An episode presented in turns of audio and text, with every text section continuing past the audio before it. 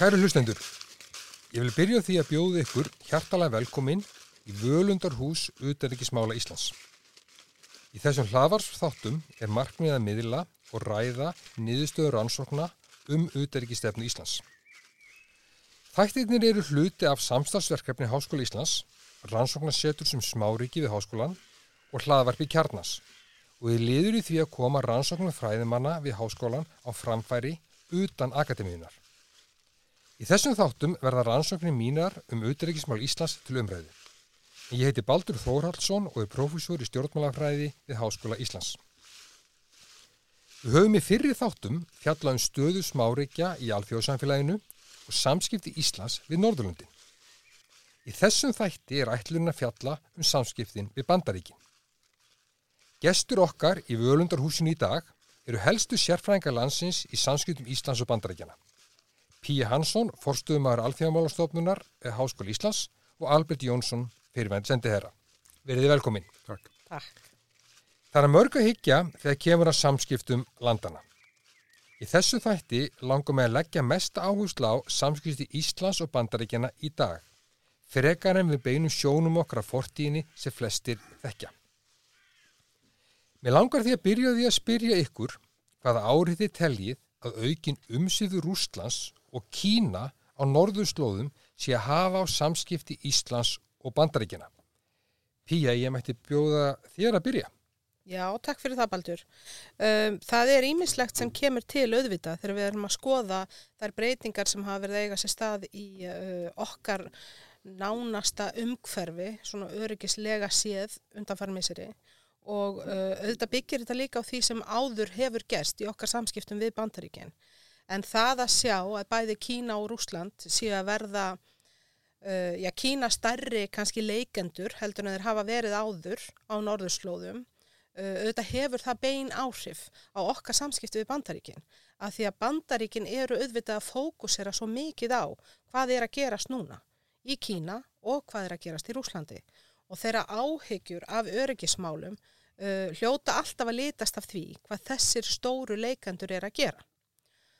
Og samskipti okkar við bandaríkinni gegnum tíðina hafa náttúrulega byggt á því að við höfum verið þeim gríðarlega mikilvæg, landfræðilega, hernaðilega séð. Núna er náttúrulega eins öðru vísi staða uppi. En auðvitað hljóta þeirra samskipti alltaf við okkur að snúast um það hvaða áhyggjur þeir hafa af hinnum stóru leikandurum á sviðinu.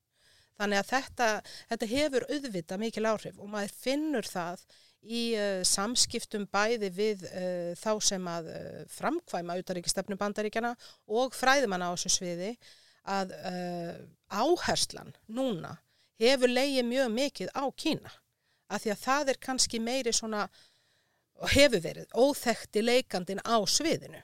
Þeir hafa, ef ég má orða það þannig, átt í stöðum samskiptum og, og þekkja stærðina að einhverju leiti Rúsland.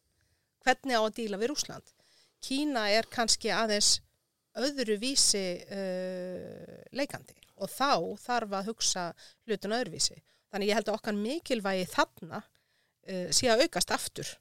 Hvernig sér þú þetta, uh, Albert? Er, eru aukin umsvið Kína og Rúslands uh, hér í hafinu í kringu landið og kannski hér á landi líka mm, þá er til villi Kína að hafa áhrif á samskipti við bandaríkin Sko, þetta er mjög ólíkt Kína og Rúsland hvað var þar uh, norðurslóðir við byrjum bara Kína, þá er Kína með mjög lítil umsvið á norðurslóðum. Það er einna helst í norður hér en Rúslands þar sem þeir eru reyndar að verða mjög umsviða miklir í gasvinnslu og oljuvinnslu og síðan er mikil draumur kínverja og reyndar indverja einnig að vinna óhemju magna kólum þannig er nú ekki svona mjög sexy sko framtíða sína þessum slóðum en þetta er aðal áhuga mál Kína núna á norðurslóðum.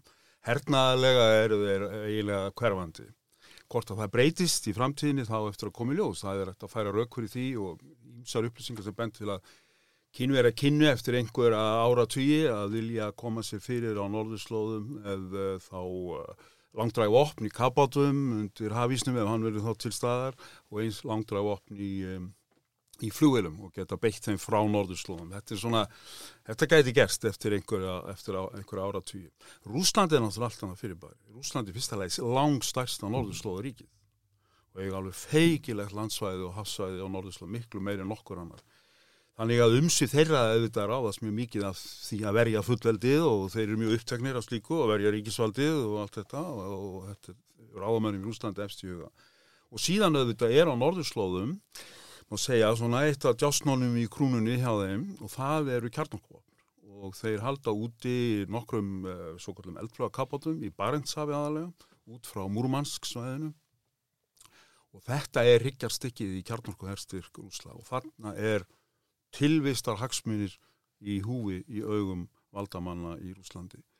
Þannig að Rúsa leggja mikla áherslu á varnir Barentsafs, varnir þessara kabáta, um það snýst allt saman. Verja þetta svæði gegn aðila sem hefur mikla yfirbyrði á herna, hernaða hafinu sem er auðvitað bandaríkin.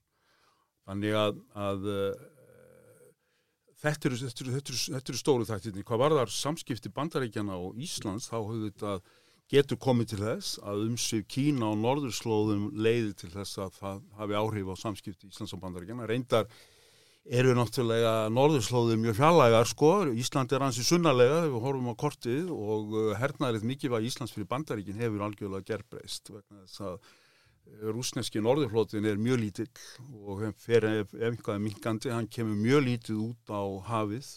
Þannig öll áherslan að þunga miðjan í þessu kerfi, við getum svo kallaða, sem var niður í Allandsafi, sérstaklega á nýjönda áratögnum í kaldastriðinu, hún er fæ, færs miklu, miklu norðar. Og bandaríkjuminn er með síaukjun umsvið bæði í Skotlandi sem er náttúrulega nú austalega fyrir það og eins í Noregi og, og þau fara, fara að vaksa í norðu Noregi. En, en í aðalatriðin þá er svona samskiptin eh, áhrif rúsa á norðurslóðum og samskipt Íslands og bandaríkjuminn svona nokkur neginn eins en þó fara þó minkandi áhrif Kína og samskipti Íslands og Bandaríkjana, það er óskrifað blað, en notabenni, eins og ég skrifaði um á síðinu mín, það er mjög áhugavert að Pompeo utdragsráður af Bandaríkjana og Pence var áherslu koma hingað sama árið, ekki út af rúsum, heldur fyrst og fyrst út af, af kynverðin, bara minna á það, Ísland, Grænland, þetta er áhrifasvæði Bandaríkjana. Og þá er það vegna svona, svona, svona heildar í morða þannig, svona heildar samskipta Íslands við Kína, hvað sem var það viðskipti eða samfélagslega já, þætti, já, þætti og svona nánari samfunnu kínvesku og íslenska stjórnvalda. Já, já, svo minna þetta samskipt Íslands og bandaríkjana verða fyrir áhrifum af samkeppni Kína og bandaríkjana á heimsvísu. Algjörlega, og ég held líka að það er svolítið uh, áhugavert að uh, muna eftir að það sem að veldur þeim kannski líka áhyggjum bandaríkjamannum er uh, svo mynd sem hefur stundum byrst af Íslandi uh, að við séum uh, mjög um, mótækileg fyrir áhrifum kynverja, allskynns viðskiptatæki fór annað, hvort sem það er satt eða ekki, það skiptir eiginlega ekki máli.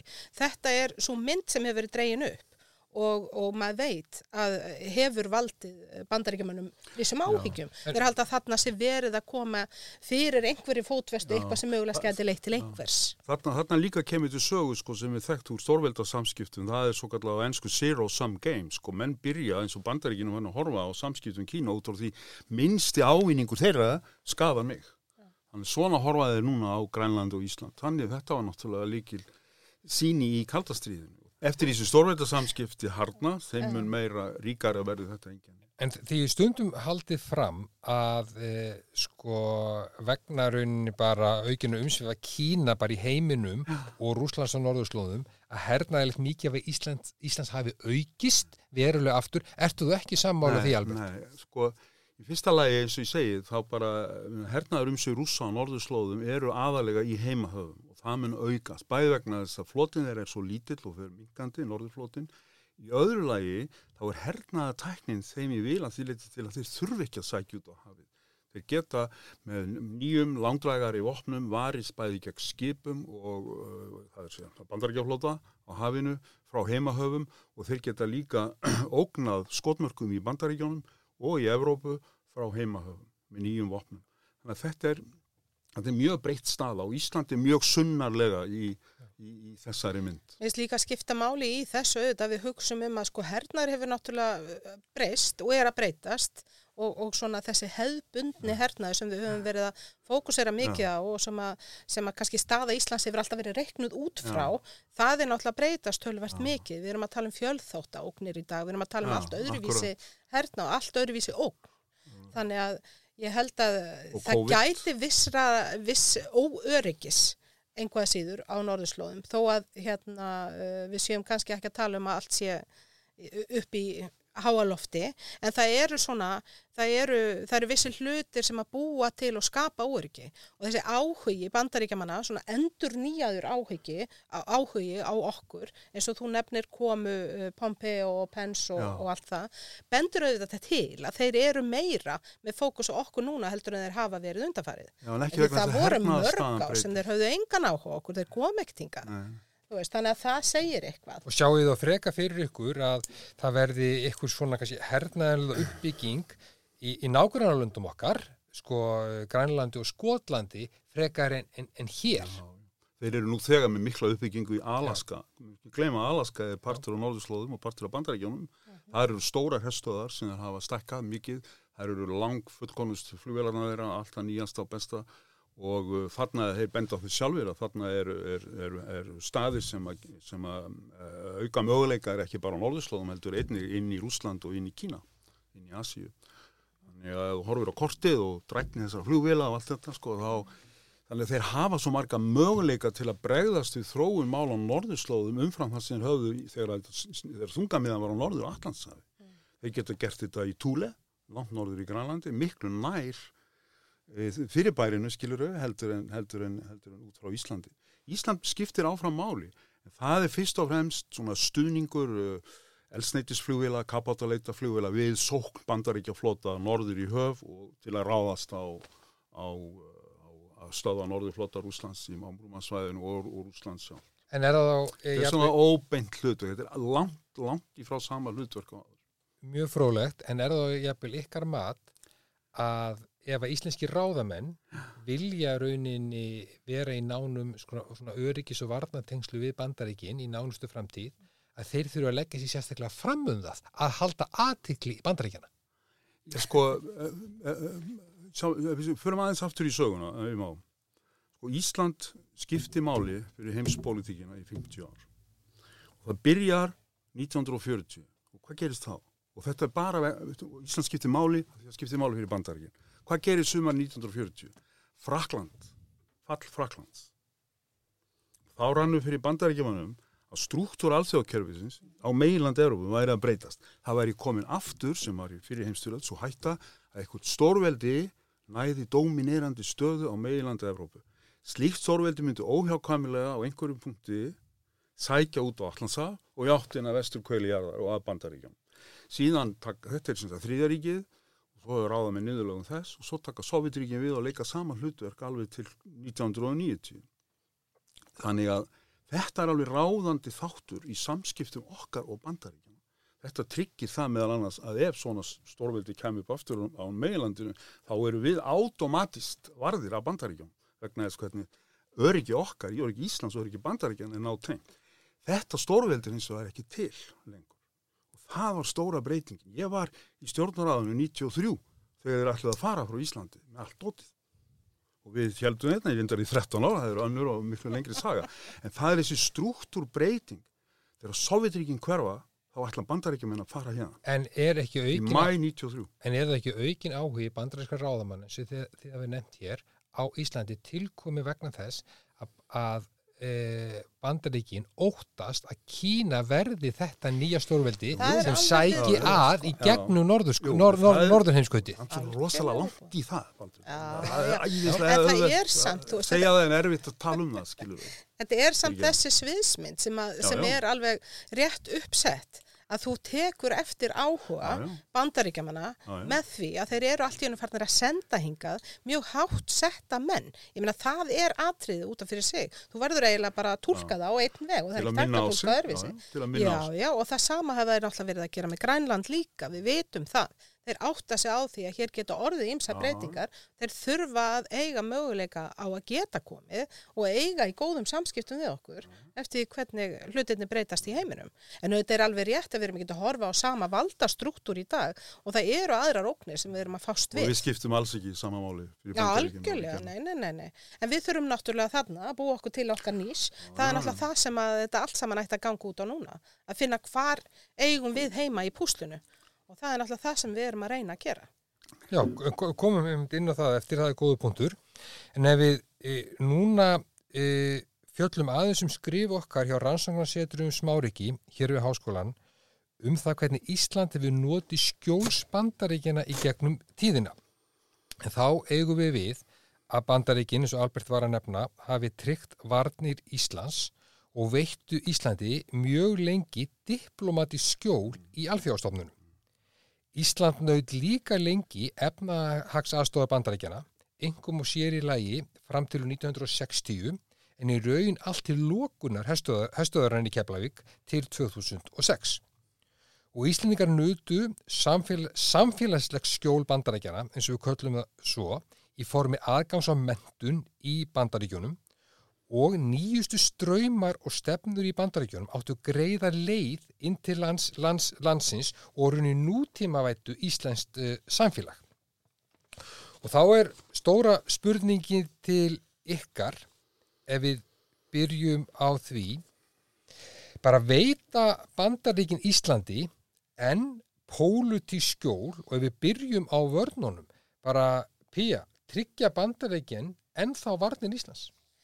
Ég myndi segja að gera það, já. Ég meina, auðvitað erum við ennþá með varnarsamning við bandaríkinn. Við erum ennþá uh, á blaði uh, algjörlega undir þeim samningi og uh, við erum náttúrulega líka í NATO og öll þessi trygging er sannarlega til staðar. En auðvitað erum við ekki að horfa á sama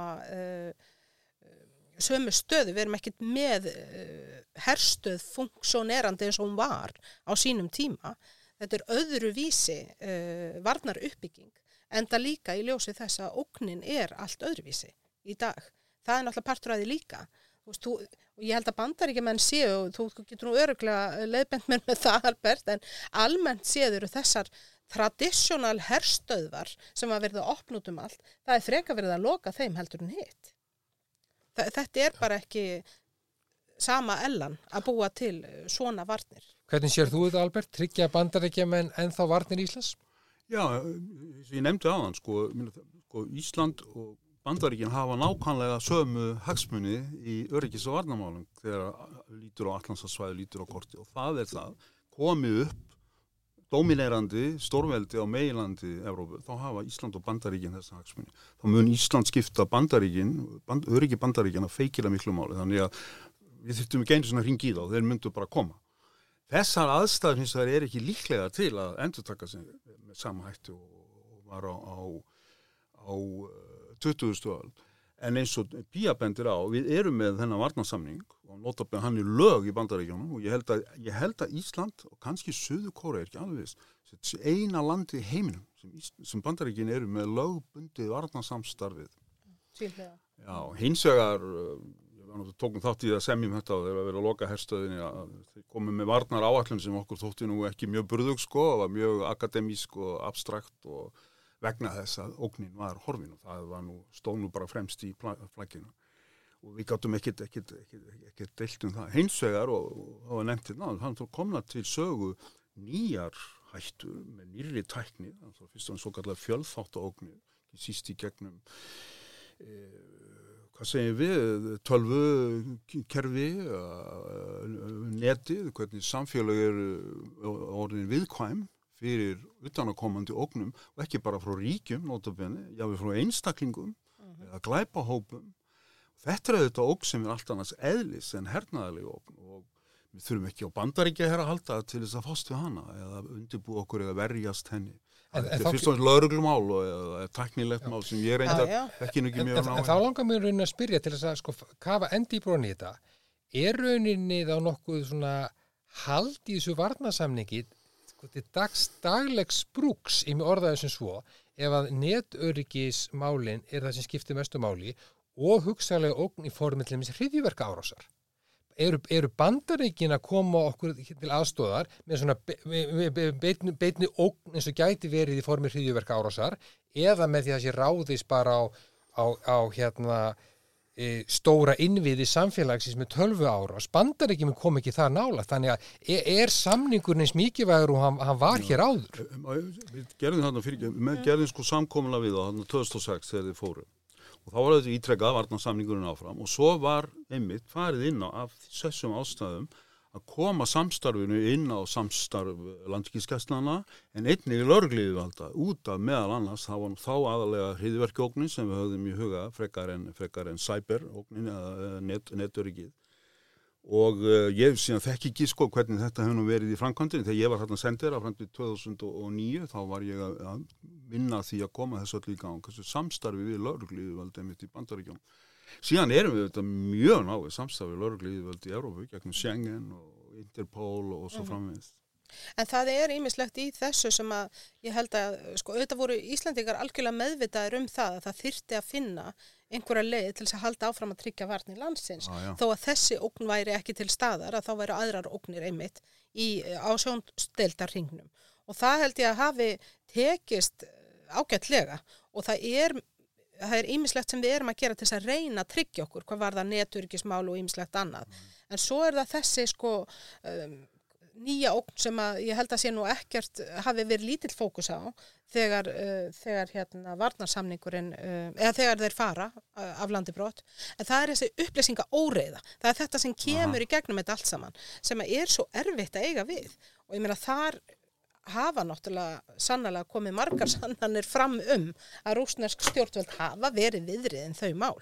Þannig að þarna er náttúrulega klárlega eitthvað sem við þurfum að takast á við og höfum verið að reyna að gera. Og þar hefur náttúrulega fókusin hér á landi í þess, þessum nýju ógnum verið að færa ströunni frá Washington yfir til Brussel og til, og til Evrópu því við hefum náttúrulega miklu meiri samfunnu við Evrópuþjóðir og einhverjum innan raunni Schengen mm -hmm. þegar, þegar kemur að þessa, þessari ógn já, já. E, þessum ógnum, hvort sem var það í svona hefðbundar, eða svona gamla hriðverku ógnir eða, eða, eða neturíkismál, það er þá stopnaðinir í Evrópu sem er að, sem er að sinna þeim. Það er náðu samstafnildi þeirra og bangaríkjana sko. og, og svo er NATO. Já, algjörlega og ég meina það er alltaf fullt af svona uh, stöðum komnir. Eistland til dæmis hefur verið mjög framalega í neturíkismálum og er með uh, setur sem að sinnir þeim málum og það er sömulegis nýtt setur í Finnlandi sem er með fókus á fjölþáttaóknir og það er uh, NATO samstarf á bakvið það líka. Það er nefnilega þessi áhugaverða þróun sem verður að eiga sér stað þó að þessi hefðbundu varnir eins og við þekkjum þær, landvarnirnar eru enþá inn í samningunum við bandaríkinn, tvílega varnarsamningunum, þá eru þessar sko nýju öryggisóknir sem við kallum svo, það er, eru við engum og sérlega að vinna það í samvinnu annara Evrópuríkja. En það er eiga síðu sem ég, ég hef oft velt fyrir mér, það er ef sem manni finnst ég að bli erfitt að tala um og er mjög lítið fjallaðum hér á landi í ofnbæru umræðu, það er ef að landi verður fyrir hriðverk árás. E, til dæmis að kemla eitthvað flugulli. Hvert er hringt? Ef við ráðum ekki við það. Hvert er fyrst? Hvert ringjum við? Þetta er bara ekki hernaðilegt viðfáðsefni. Þetta er lauruglumál og það er þetta er bara spurning til laurugliðu alltaf landsins og, og, og, og lítur að samstarfi þeirra við laurugliðu völd í öðrum landum, begja vegna hafsins ekki og þetta er ekki, her, þetta er ekki hernaðalegt problem sko. Þetta eru öryggis öryggis öryggis og öryggis og leini þjónustu mál En getur maður ekki séð fyrir sér að lægi þarna einhver lína sem er ef að þessi hriðiverka ógn er frá einhverju tiltaknu ríki erum við þá farin að skilgreina þetta öðruvísi?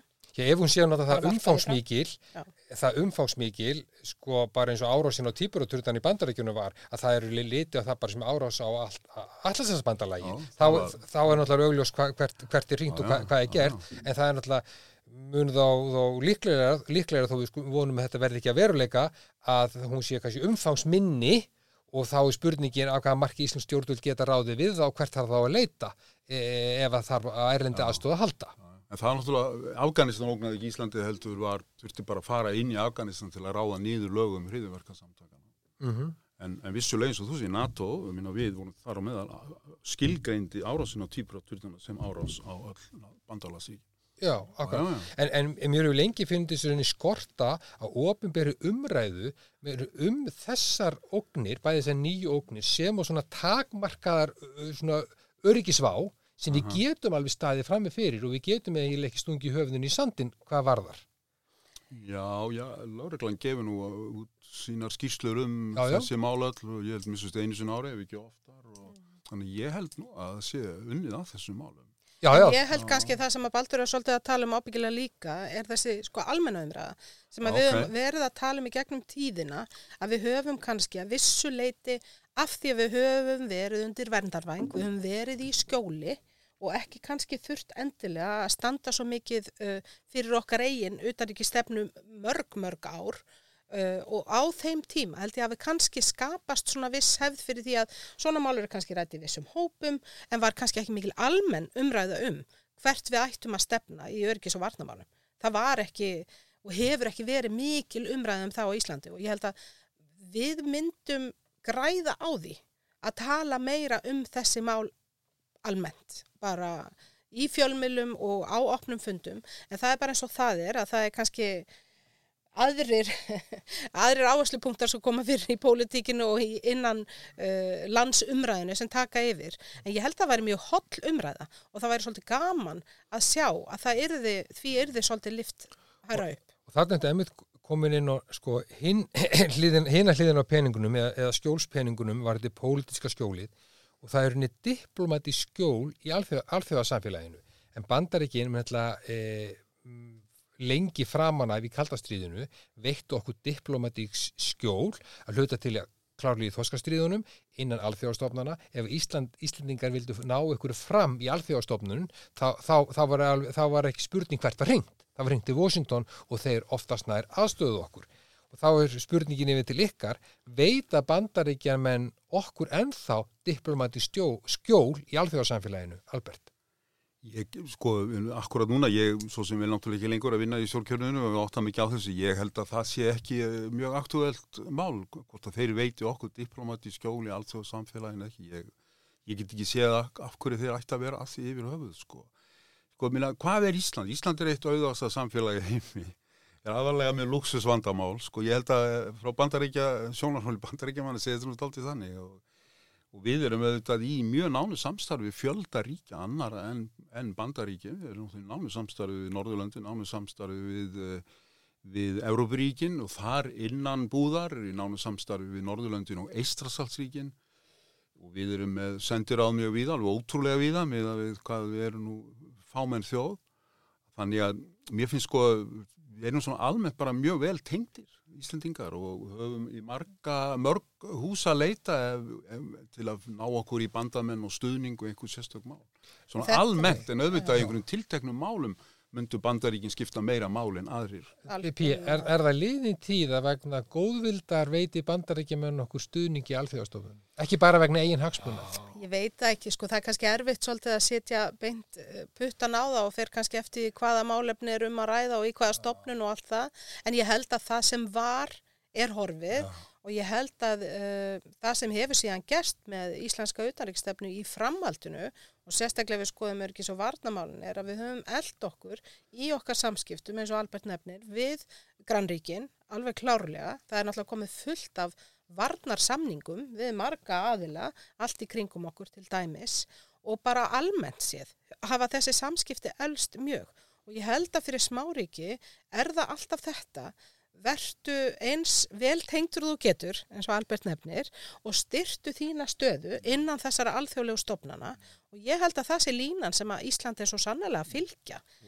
Nýta það sem við gerum þú nefndi að sko árin hérna fram til 1960 þau fengum vissulega mikla efnaðasastof frá bandaríkjum ímsu, ímsum hætti þá meðal Marshall aðstof og ímislegt sem var náttúrulega mjög dölafullt en þá er þetta Íslands samfélag allt annars eðlis en í dag. Við erum eins og ég sagði, við erum eftir ríkasta þjóðfélag í heimi. Við erum með miklu fjölbreyttari atunvegi, við erum miklu fjölbreyttari tekjumöguleika og, og bara miklu meiri innviði og þannig að þetta er bara ekki sambærilegt fyrirbæri. Og eins og ég sagði, við erum tengt út um allt.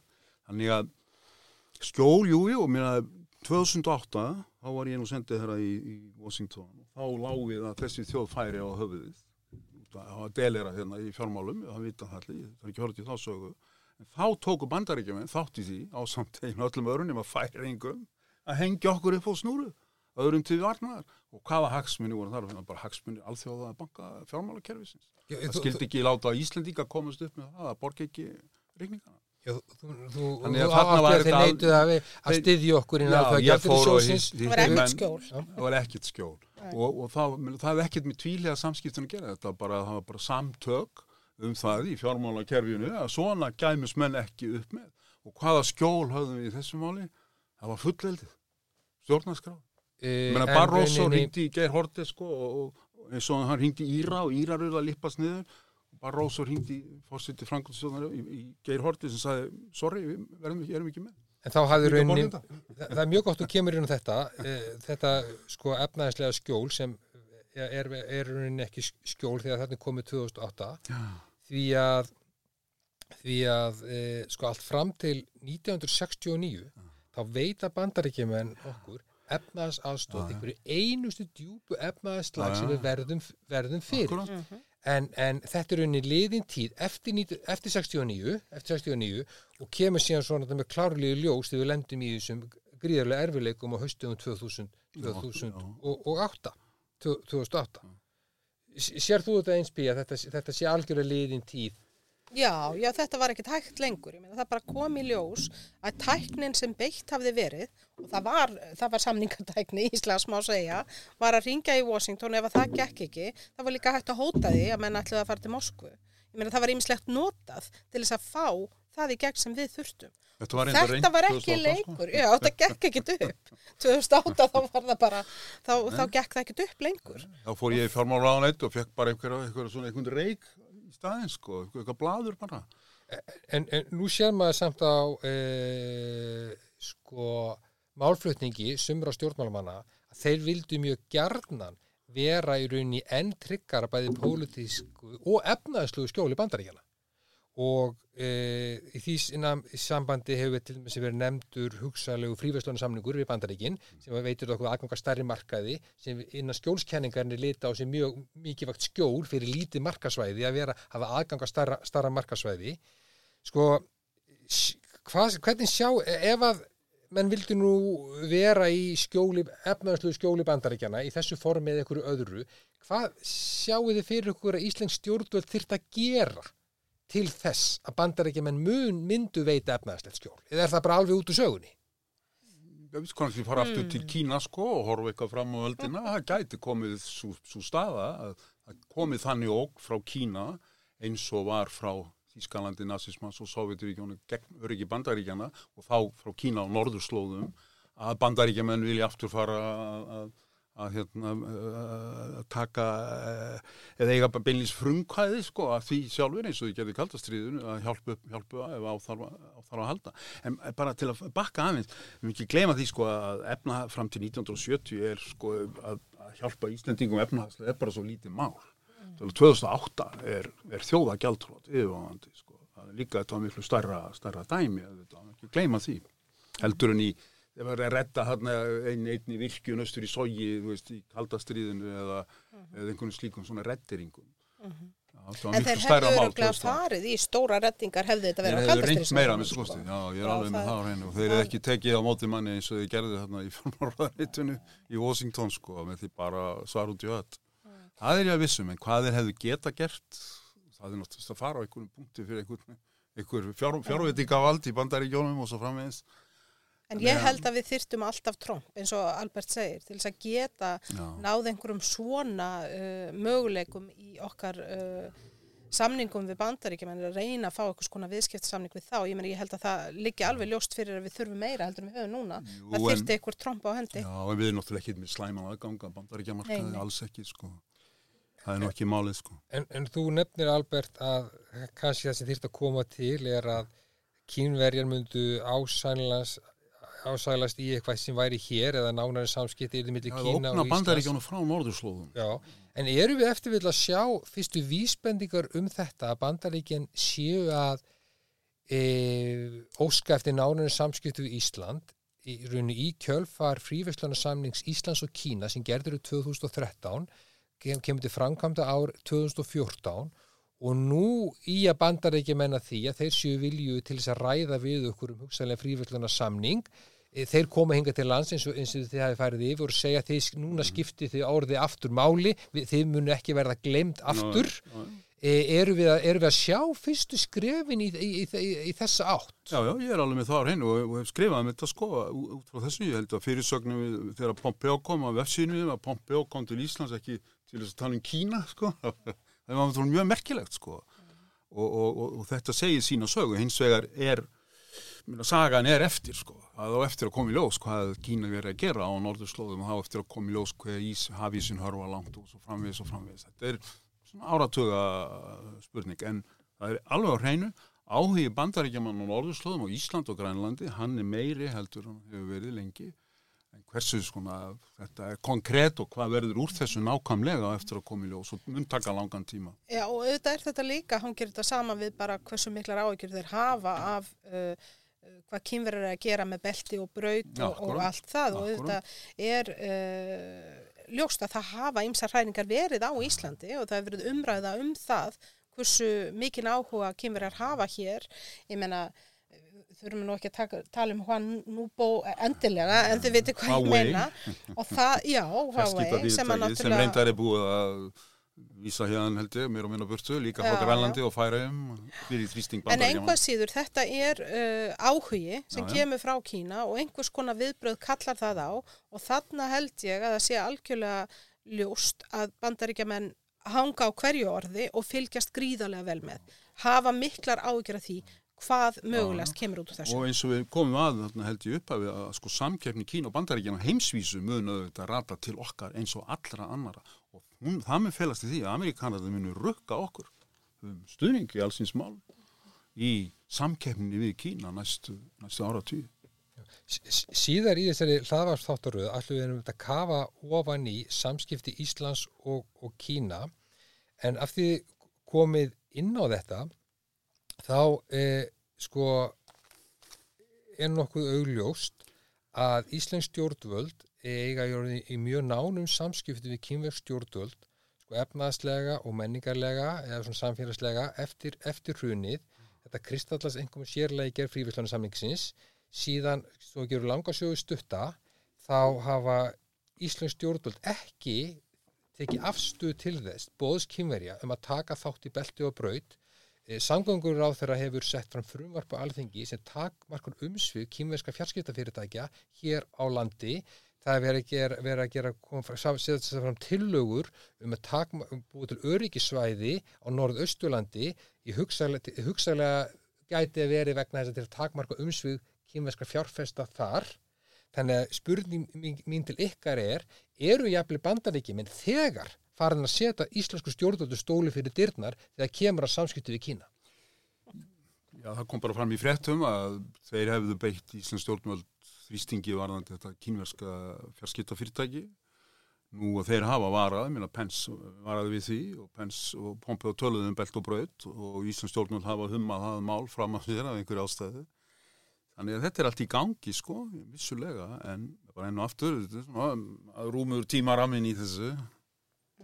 Nei, ég held að það sé algjörlega ljóst að þeir eru á tannum gagvart þessu og eru auðvitað að reyna að þrýsta á að Íslensk stjórnvöld taki þá ákvörðum sem þeir vilja helst sjá í þessum málum. Og það, það var náttúrulega mjög uh, augljóst þegar hérna, komið fréttir af því að uh, var ekki kýmverski sendiherran sem held í fram að það væri komið uh, samþykki frá íslensku stjórnvöldum að taka þátt í belt og braut og síðan öll viðbröðin sem þar fylgja á eftir voru mjög skýr. Það er ekki búið að taka ákvörðun um þetta mál og, og uh, ég held að það sé algjörlega ljóst að þar hafi komið til þrýstingur uh, að vestan. Þá, þá langar mig aðeins bara að koma inn á það sem virðist vera að það virðist vera að ríkja meiri sátt heldur en oft áður í stjórnmálum hér innanlands varðandi sko varnasamskiptin við bandaríkin og aðildin að allarsasbandalæginu.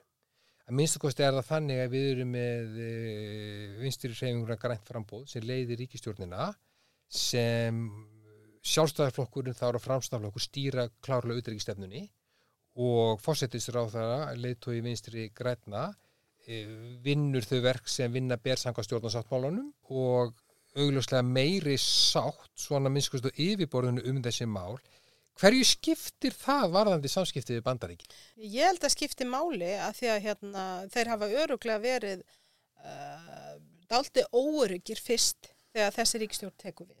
að því það er náttúrulega saga þar um að vinstri græni eru ekki hrifin á NATO aðildinni þó að það hafi aldrei komið til kast á endanum bakkaðir náttúrulega alltaf með, með þau mál þegar þau farin í ríkstjórnarsamstarf.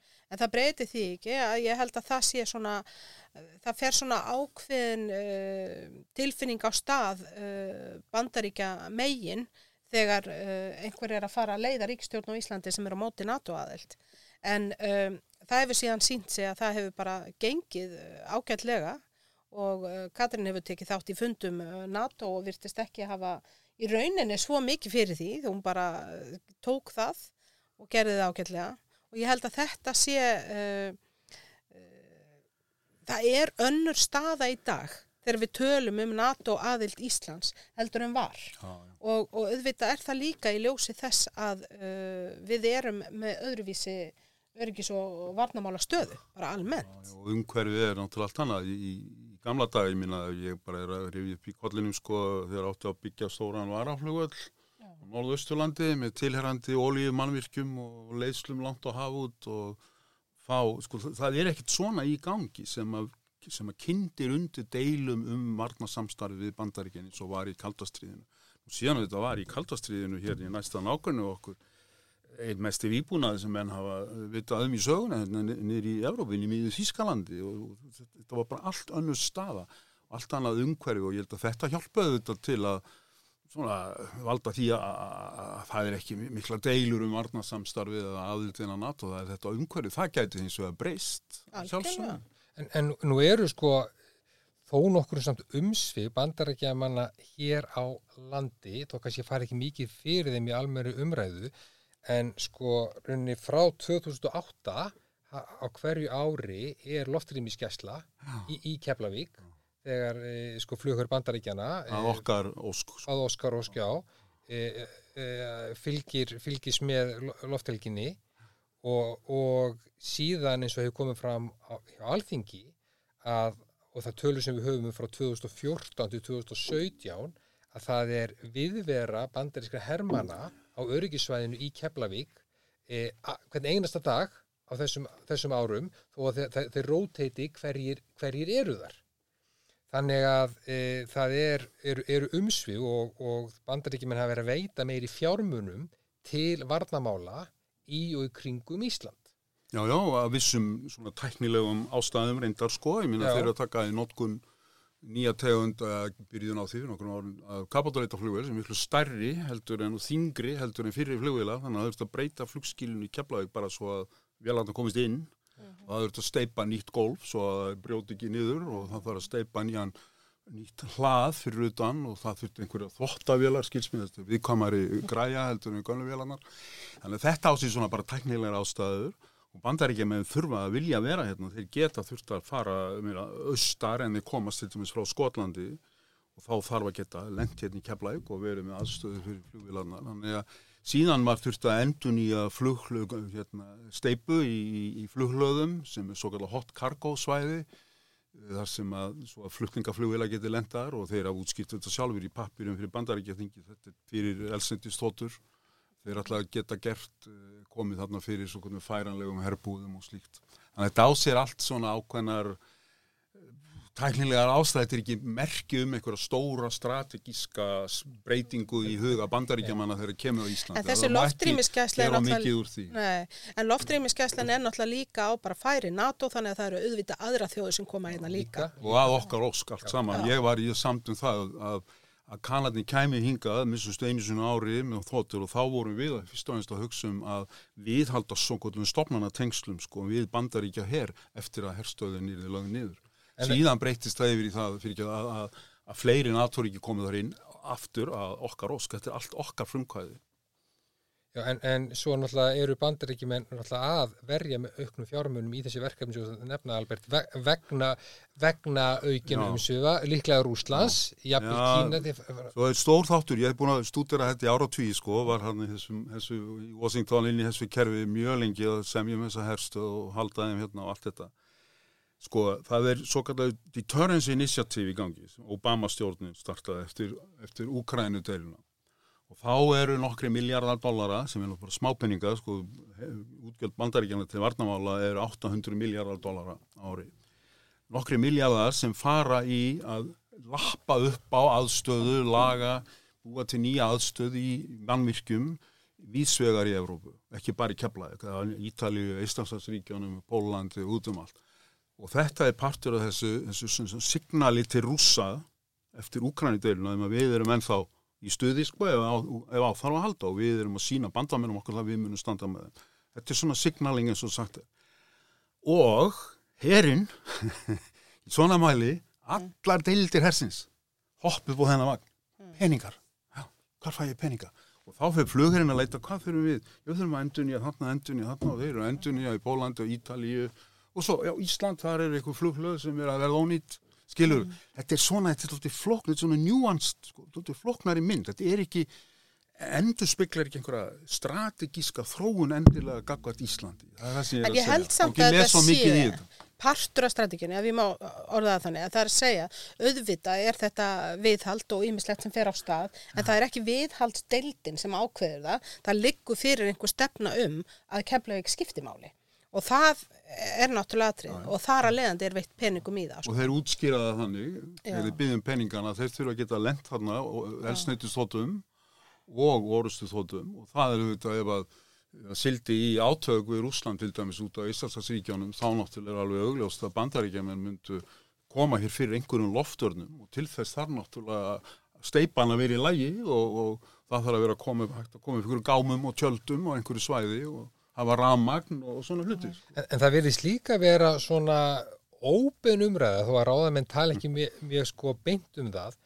Einhverja hugmyndi svona í loftinu um hugsalegt öryggissvæði til eins og norðausturlandi e, til þess að fylgjast með aukinu umferð sem verður það í framtíðinni á, norður, á norðurslóðum. Hugmyndin um það og að bandaríkin hafa, eða herfóringjar þar hafi verið að nefna það að það ætti kannski að fjárfesta í þess þar til þess að auka, auka eftirlit. En þá kem ég, kem ég aftur að sko stöðun hér í innanlandsstjórnmálunum. Og ef maður skoðar hans umræðin og þinginu það virðist vera daldið náttúrulega vinst, þingmenn vinsti grætna hafa náttúrulega miklar efasemdir um aukin umsvig bandaríkjaman eins og þeir sjá, sjá fyrir sig hér á landi. Talangjum ef að færði ný verkefni þessi ákveðningu sem er enn til staðar og svona efasemdur um nánari tengsli við bandaríkin er það, gæti þetta leitt til þess að bandaríkjumin velji frekar að að byggja upp eitthvað á Grænlandi, Norður Noregi eða í Skotlandi heldunni hér? Já, þau er náttúrulega nú þegar búin að byggja upp í Skotlandi sko, það er hérna breytar að taka í, í notkun ameríska þessar sömu Boeing þóttur, kapað og leitavélar eins og amerikanar hafa breytar gerðu þau mistök að leggja þetta niður vöknu svo upp í vondan dröm og, og, og það þýðir það að uh, Boeing versmiðunar er að byggja mjög stór flugskíli í Lossiemouth, herstöðinni í Skotlandi. Og amerikanarnir eru náttúrulega nátengið þessu og ætla að nota þetta mikið og gera nú þegar Þeir hafa þetta mikla möguleika á norðu Grænlandi kringum Túle og ég vil fleiri stöðum þar. Og síðan eru þeir í nánara samstarfi náður, miklu nánara samstarfi náður við norðmenn í norðu Norri og þetta stafar alltaf því eins og ég nefndi á þann að, til þess að, að, fylgjast með norðurflótanum og til að testa ákveikja á jólatreinu eins og það er kallað, þá þarf maður að vera miklu norðar en áður og þetta er allt partur af því. Þetta þunga miðjan er að færast miklu lang- langt í norður. Og ef að hafísin hörfa meira og menn þurfa að taka á því, þá er, mun, mun, mun, þessi þróun festast enn frekar í sens. Og það náttúrulega hangið þá saman við auðvitað að, að, að það þurfi að fylgjast með á öðrum slóðum líka þegar skipaleðir eru að opnast. Þannig að norðaustur uh, partur Íslands verður þá náttúrulega áhugaverður. Þannig að þetta verður alltaf áfram einhver, uh, einhver áhuga á því máli og sömulegðis eins og með hugmyndur um höfn í finnafyrði og, og, og slíkilhutur en við höfum ekki séð þetta gerast og þetta er en þá finnst manni þetta alltaf mikil framtíða músik Mjög mikil. Kínverjar hins vegar, það er til, og ég bent á þessum skriðum mínum að, að þeir tala beinlínis aðalega og miklu meira en aðrir um leiðina þvert yfir. Og hún gæti á einhvernum þvert yfir norðurskoð fyrir ekki Ísafið sko. En þá voru þetta hafísin horfin og heimurinn breyst mjög mikið sko en, en, en þeir eru mjög meðvitaður um það og þá að þetta gæti Ísland komið til greina sem við komum staður og menn eru að tala um Finnafjörð og, og slíka hluti. En, en eins og Pía segir, við erum að tala um hvað 2060, 50, 60, 70 En ef ég spyrði þá bara raunin eins og ég spurði sko um efnaðasmáli ef að íslenski ráðamenn vilja nánara öryggis og varnasamstar við bandaríkin og að eitthvað af þessum umsöfum þeirra sem þeir eru búin að fara yfir á Grænlandi, Norðunóri og í Skotlandi ættu sérst að hér á landi með þá sko vantarlega til þess að tryggja öryggi landsmanna, það, það, það væri þá markmið eins og menn, menn, menn ræða, menn er að ræða þetta í stjórnmálunum. Hvað þurfa Íslingi ráðum en að gera ef þeir myndu vilja sjá þá sviðsmynd þróast? Þá þarf struktúrin að breytast þannig að það komi til stórveldi á norðurslóðum, Kína verði svo öflugt að það er ógn í bandaríkjónu frá norðurslóðum. Það, það er það nýja sem þarf að gerast. Og ráðamenni sjálfur unni geta ekkit gert nema Það nema hefur þetta ekkert breytist. með íslenskar áðumenn að gera held ég. Nei. En ég held að það hefur náttúrulega komið upp þessi hugmyndum um uh, björgunamiðstöð hér á Íslandi og ýmsir aðri svoleiðis hluti sem að getur styrt mjög okkar prófíl og ég held að það sé mikill uh, áhugi fyrir því að reyna að koma því áfram en það er, það er erfitt. Það er búið að tala um mörg Já. ár og aldrei neitt. Þetta er svo dýrt. Sko, Já. helikopterar er eins og við Íslendinga vitum, við reygum þess að þrjá. Þetta er, eitt, þetta er dýrast sem þú gerir, það er að reyka þyrlur. Og á norðurslóðum það er ekki nóg að eiga þyrlu, hún þarf að það er ekki nóg að eiga þyrlu sem getur flóið 200 mílur, sko. Það þarf elsendisflugilar og það er bara bandaríkja sem á það er fyrir þyrlur og þannig að þetta er rosa stórt og dýrt mál og En þetta er svona einhvað síðan málefni sem Já, er reynd að, já, já. að brytta upp á Já, því að þetta er staðrendin svo að við erum með alveg gríðarlega mikið svæði sem við eigum að tryggja öryggi á. Og það, eh, þar af leiðandi um leiðu og ferð að skoða það hvaða uh, kapasitet við höfum að þá er þetta eitt af því sem að náttúrulega burði svo það. sannarlega gott að, að ebla. Já. Við höfum enga burði það, Íslendinga, ekki nei. til í dæminu. Það er, En, en eru við þá kannski svo við sko ljúkum þessari umræðum öryggis sko og varnamálin, eru við þá raunin að horfa fram á það að í, í framtíðinni sjáu fyrir sko enn nánari samvinnu sko við Evrópuríkin inn sko á, á vettvangi sko lauruglumála innan, innan Schengen e, þegar kemur öryggismálum heldur en við, við bandaríkin. Ég bara þekkit ekki nóg vel baldur til að átta mig á því. Ég minna bandaríkinu auðvitað eru með rosalega afluga upplýsinga og leini þjónustu og eins og allir vita National Security Agency og, og það hlýtur að vera íslenskun laurugjöföldu mikil akkur að vera í einhvern tengslum við þá og ég hygg að þau tengst séu til staðar og muni að halda áfram. En vissulega, formlega samstarf og í gegnum Schengen er mikið og, og vettvangi lauruglumála. Hvernig sér þú þetta, Pía? Ég, ég held að þetta hafi elst mjög mikið varðandi Evrópuríkin og, og Norðurlöndin og muni halda áfram að gera það. Ég held að fókusin verði þar en auðvitað er ímislegt sem er í gangi í samskiptunum við bandaríkin eins og uh, þessi þjálfun, uh, lauruglumanna og ímislegt annað og ég held að það verði áfram til staðar en ég er ekki vissum að það muni bólna mikið út. Ég held að það styrkist miklu frekar að horfa til Evrópu og, og uh, efla þetta samstarfi Norrlundin alveg sérstaklega og Eistrasaltsríkin. Við erum svo löglauslega miklu háðar í bandaríkjónum og þeir okkur þegar kemur að her, hernaðarlegu hlýðinni heldur en þegar kemur að þessum ógnum sem er að nefna. En Ísl Íslensk stjórnvöld náttúrulega haf, hafa lagt sér sérstaklega fram um það að uh, stöðulega umræðu á vettfangi Norðurlandarás að uh, auka sko bara samfunnu millir Norðurlanda það kemur bæði að öryggis og varnamál. Þetta sést náttúrulega líka í áhuga Íslandinga með því að tefla fram Bitni Bjarnasinni sem skrifar uh, framhaldsskíslu eða maður segja já, nýja skíslu þar sem er verið að skoða þessi mál uh, eftir að Stoltenberg skíslan kom nú 2009 þá, þá sem sagt bjóða í raunin íslensk stjórnvöld upp á það að skoða þessi mál aftur og Björnum fengi til að skrifa það. Og það koma náttúrulega ymsir punktar þar fram og það liggur alveg fyrir að að þessi áhugi, ég held að hann sé þver pólitísku líka á Íslandi að þetta er það sem við viljum gera uh, út á og það skiptir okkur svo miklu máli, ég meina við erum minnst í þessu samingi, þannig að fyrir okkur að fá sterkara og betra samband við Norrlöndin, ég held að það skiptir bara gríðarlega miklu máli. En aftur, sko, í lauruglumálum, sko, Evrópuríkin geta ekki varið Ísland ef, ef úti það færi. Og Evrópuríkin myndu aldrei hafa sömu hagsmunni af því eins og bandaríkin hafði á 20. öld. Þetta er alveg, þetta er epli og appelsína í rauninni, sko. En vissulega held ég að sé að rétt að, að, við munum uh, sjá uh, náið samstarf við Evrópuríki í þessum lauruglu og öryggismálum sem lúta að fjölþátt og Og svo eins og með, auðvitað, þetta er policing að þessi loftrýmisgæsla að uh, það er líka merkilegt að sjá að þar komu sko Finnland og Svíþjóð verandi ekki í NATO, einhvað síðu til Íslands sem var líka svona viss ábendingum að menn eru að reyna að uh, styrkja tengslin. Já, já. En, það, það var um gott pí að þú skildi koma inn á þessar skýslu Björn Spjarnasonar um öryggis og varnamál á, á Norður, Norðurlöndunum. Og mér langar kannski að sko, við endum þáttina að ræða sem við höfum kallað hjá smárikiðseituninu svona samfélagslega skjólið og þannig að í þessu stórmerkju skýslu sem vinnur þeirra Byrni og öðrum Íslendingum á vegu Norðurlandaráðs. Þá kemur meðal annars fram að, að því við höfum mikið rætt um Kína að Kína sé að seilast til áhrifa á Norðurlöndunum með svona óhefbundum hæ- hætti í formi einfallega að stöðla auknum viðskiptum milli, milli sín og Norður, Norðurlandana með ákveðinu efnahagsstuðningi við e, löndin, beinum og óbeinum og auknum sko menta og menningarsamskiptum og auknum vísinda, vísindasamstarfi. Og að áhrif Kína í á Norðurlöndun sé að vaksa með þessum hætti.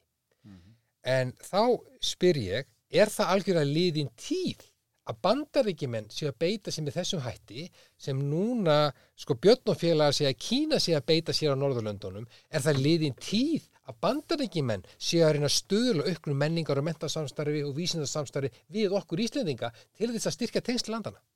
Já, ef ég má, sko, það sem kynverðir er að gera þetta er bara, bara klassi stórvelda samkeppni, sko, og þetta er bara back to the future, sko. Svona var verið að gera hálfu Sovjetríkjana og kommunistaríkjana í... og bandaríkjana. Og bandaríkjana núna er Amerikanarnir eða þá svona á hliðalínunni en eins og við verðum að tala um. Þetta fer bara eftir hvernig samkeppni Bandaríkjan og Kína á heimsvísu á eftir að þróast. Á vissu stíi, ef hún heldur áfram og hardnar sem eru alla líkur á, þá munum Bandaríkin koma aftur til leiks með þeim hætti sem þau voru að gera í kaldastriðin. Hvenar það gerist, áttum við ekki á. Og það er náttúrulega líka munurinn fæls líka í því að einhverju leiti að kerfið er til, það er að segja samskiptin við bandaríkin á þessu sviði, það er kerfi sem er til.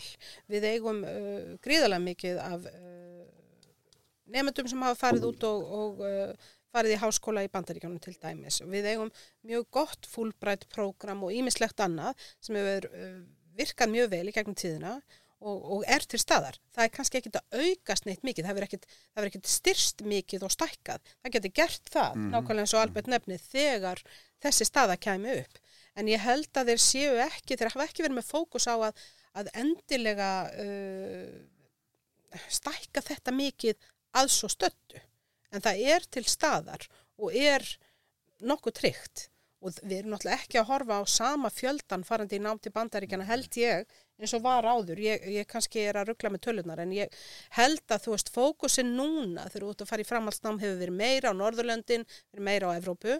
Auðvitað er tölvert farið til bandaríkjana samt.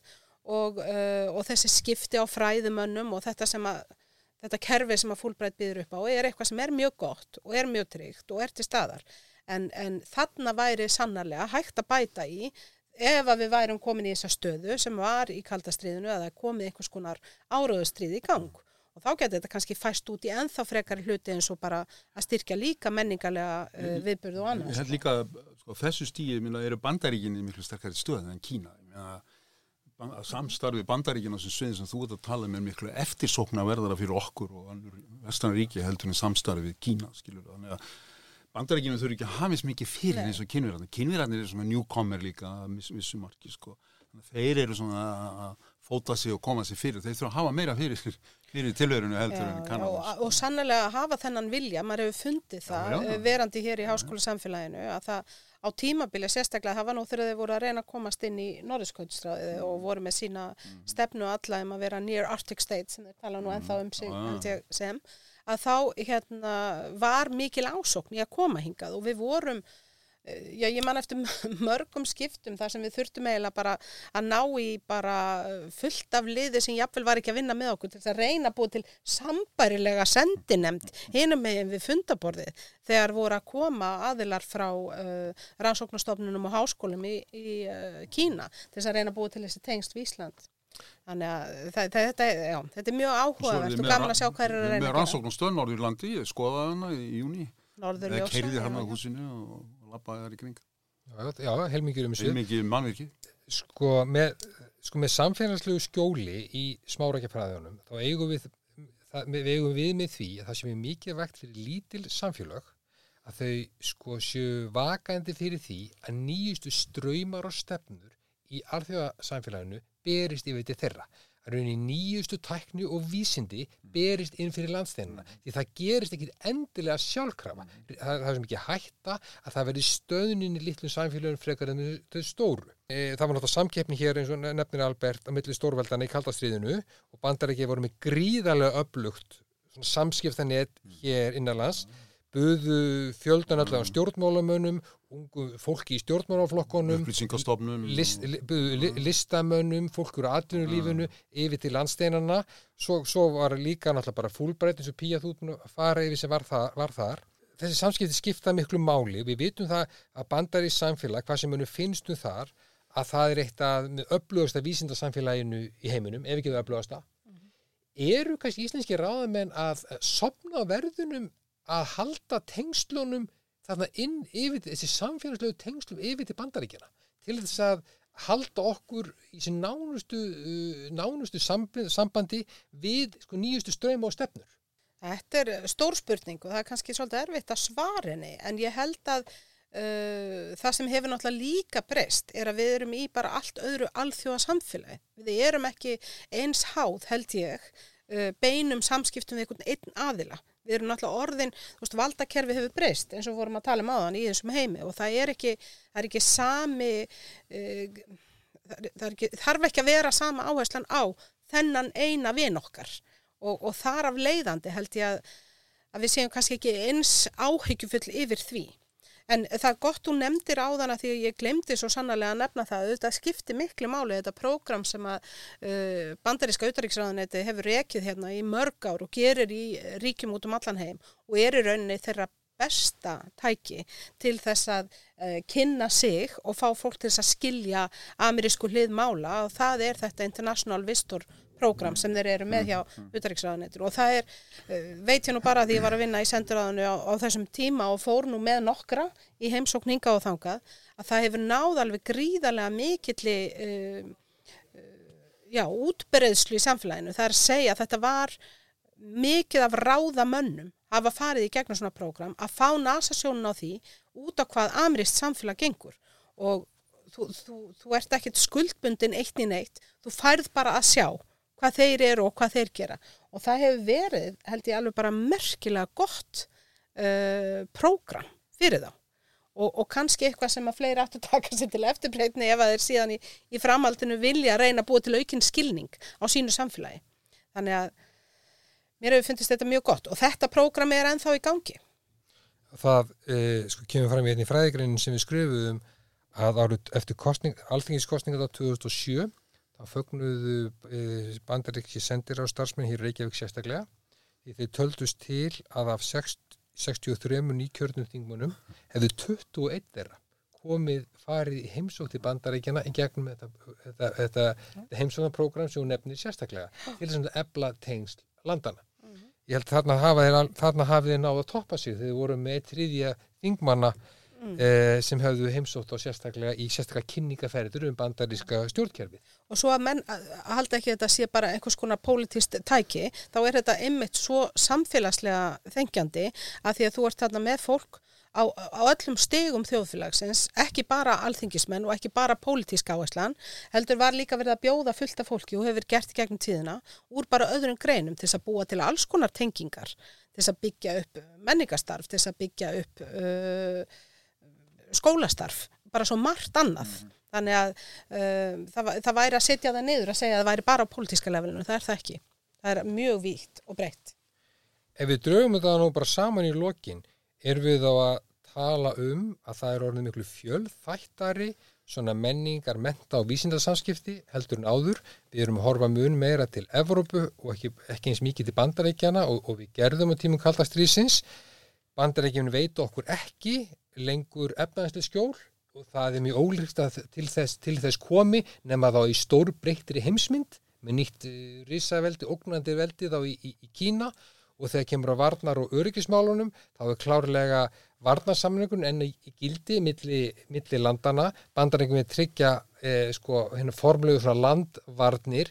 En í öryggismálum, lauruglumálum erum við að horfa til, til, fyrst og fremst til Evrópu og þar sjáu þið fyrir ykkur að verði aukin eh, samskipt, samskipti millir Íslands og, og annara ríkja.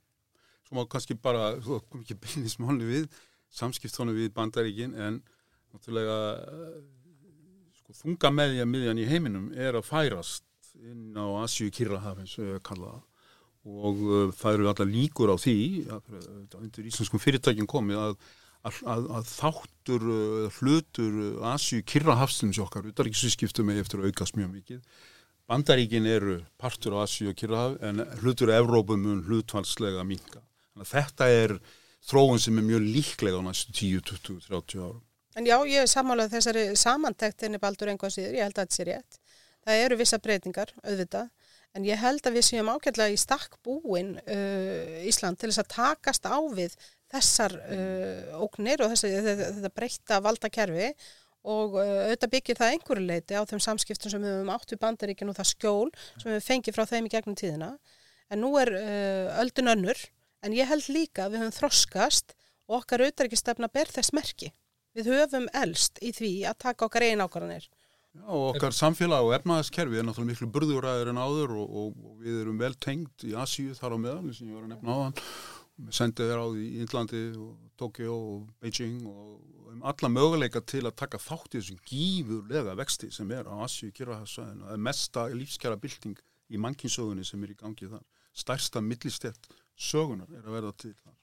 Þetta, ef við ekki láta þetta vera loka orðin í dag, en einmitt í næstu þáttum ætlum við að fjalla sérstaklega um samskipt Íslands við önnur Evrópuríki og síðan samskipt Íslands við, við, við Kína. Og þá er komið að lokum þáttarins í dag og ég vil þakka Píu Hansson og Alberti Jónssoni kærlega fyrir að vísa okkur veginn inn á beina og breyða braut í gegnum völundarhúsið. Næsti þáttur fjallanum þáttöku Íslands í samfunnu ríki Evrópu og við munum meðal annars reyna að skýra það mikla ágreining sem hefur verið hér á landi um þáttöku í Európusamfunni allt frá því hún kom fyrst á dasgrá íslenskra, íslenskra stjórnmála á sjöunda áratug síðustu aldar. Verðið sæl.